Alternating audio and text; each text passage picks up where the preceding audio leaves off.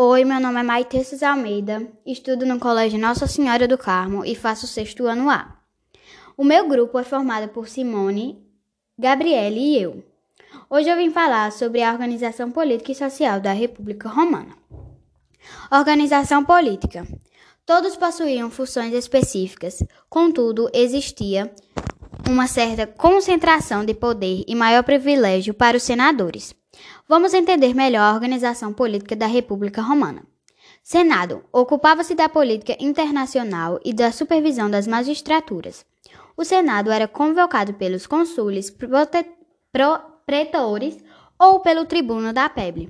Chegou a ter 300 membros e os senadores geralmente eram patrícios que haviam desempenhado alguma magistratura ou tinham feito algo relevante para a República.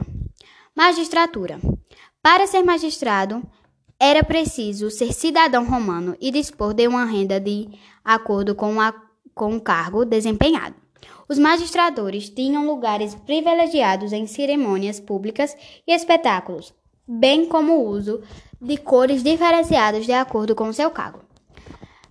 As magistraturas sempre eram duplas ou colegiadas e seu mandato durava um ano. Abaixo listamos algumas magistraturas romanas: o consul, pretor, edil, censor e o questor. Os dez tribunos da plebe tinham direito de ser opor decisões às decisões dos magistrados e eram eleitos anualmente. Agora vamos para a organização social. Organização social. A sociedade romana estava organizada entre patrícios, plebeios, escravos e clientes. As mulheres não eram consideradas como cidadãos, cidadãs e não participavam da política. Vejamos a origem e a função social que cada extrato possuía. Patrícios pertenciam às famílias mais antigas de Roma e possuíam grandes propriedades de terra e eram os mais ricos. Os plebeus, inicialmente todos aqueles que não eram patrícios e nem escravos, denominavam-se plebeus. Escravos. É importante lembrar que a escravidão romana era a base da sociedade e tanto patrícios como os plebeus possuíam escravos. Estes eram obtidos através das guerras de conquistas. Além disso, qualquer homem livre poderia se tornar escravo, pois as dívidas poderiam ser pagas à escravidão temporária. Não necessariamente os escravos realizavam sempre os piores trabalhos, pois aqueles que sabiam ler e escrever eram empregados como escribas, contadores e administradores. Clientes: plebeus que, para ascender socialmente, serviam a uma família patrícia em troca de proteção e, po e posição social. Patrícios e plebeus. Conflitos permanentes entre patrícios e plebeus vão abalar a República Romana. Afinal, o exercício romano, o exército romano era composto em sua maioria por plebeus que não tinham possibilidade de participar da sua vida, da vida política da cidade.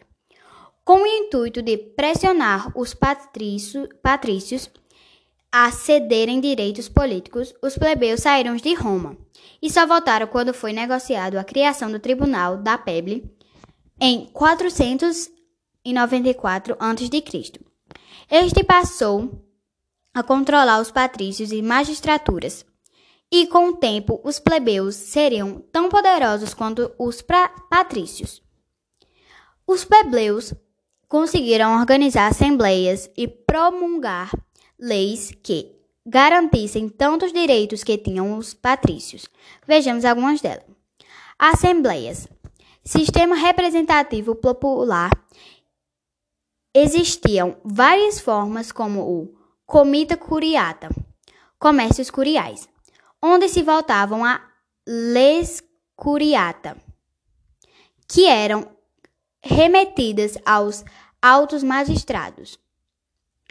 Mais tarde, foram criadas por Sérvio Túlio a comi comitia seturiata, é, que estavam é, formadas por 100 indivíduos e eram essenciais para o recru recrutamento militar.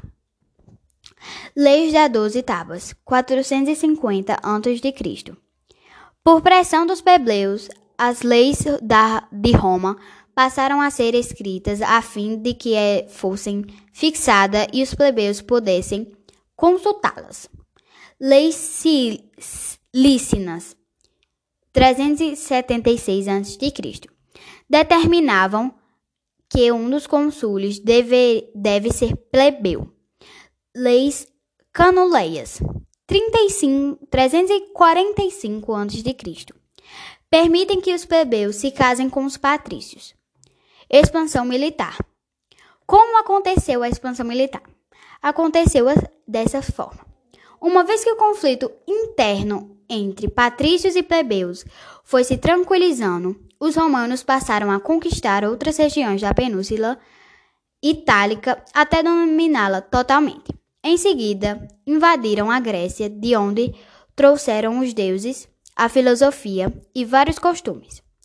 Partiram então para a guerra do outro lado do Mediterrâneo contra a cidade de Cartago no conflito que durou cerca de 120 anos e acabou com a vitória romana. Então, esse foi o meu trabalho, a, pa, a minha parte, onde eu falo sobre ah, algumas coisas da, que aconteceram na República Romana.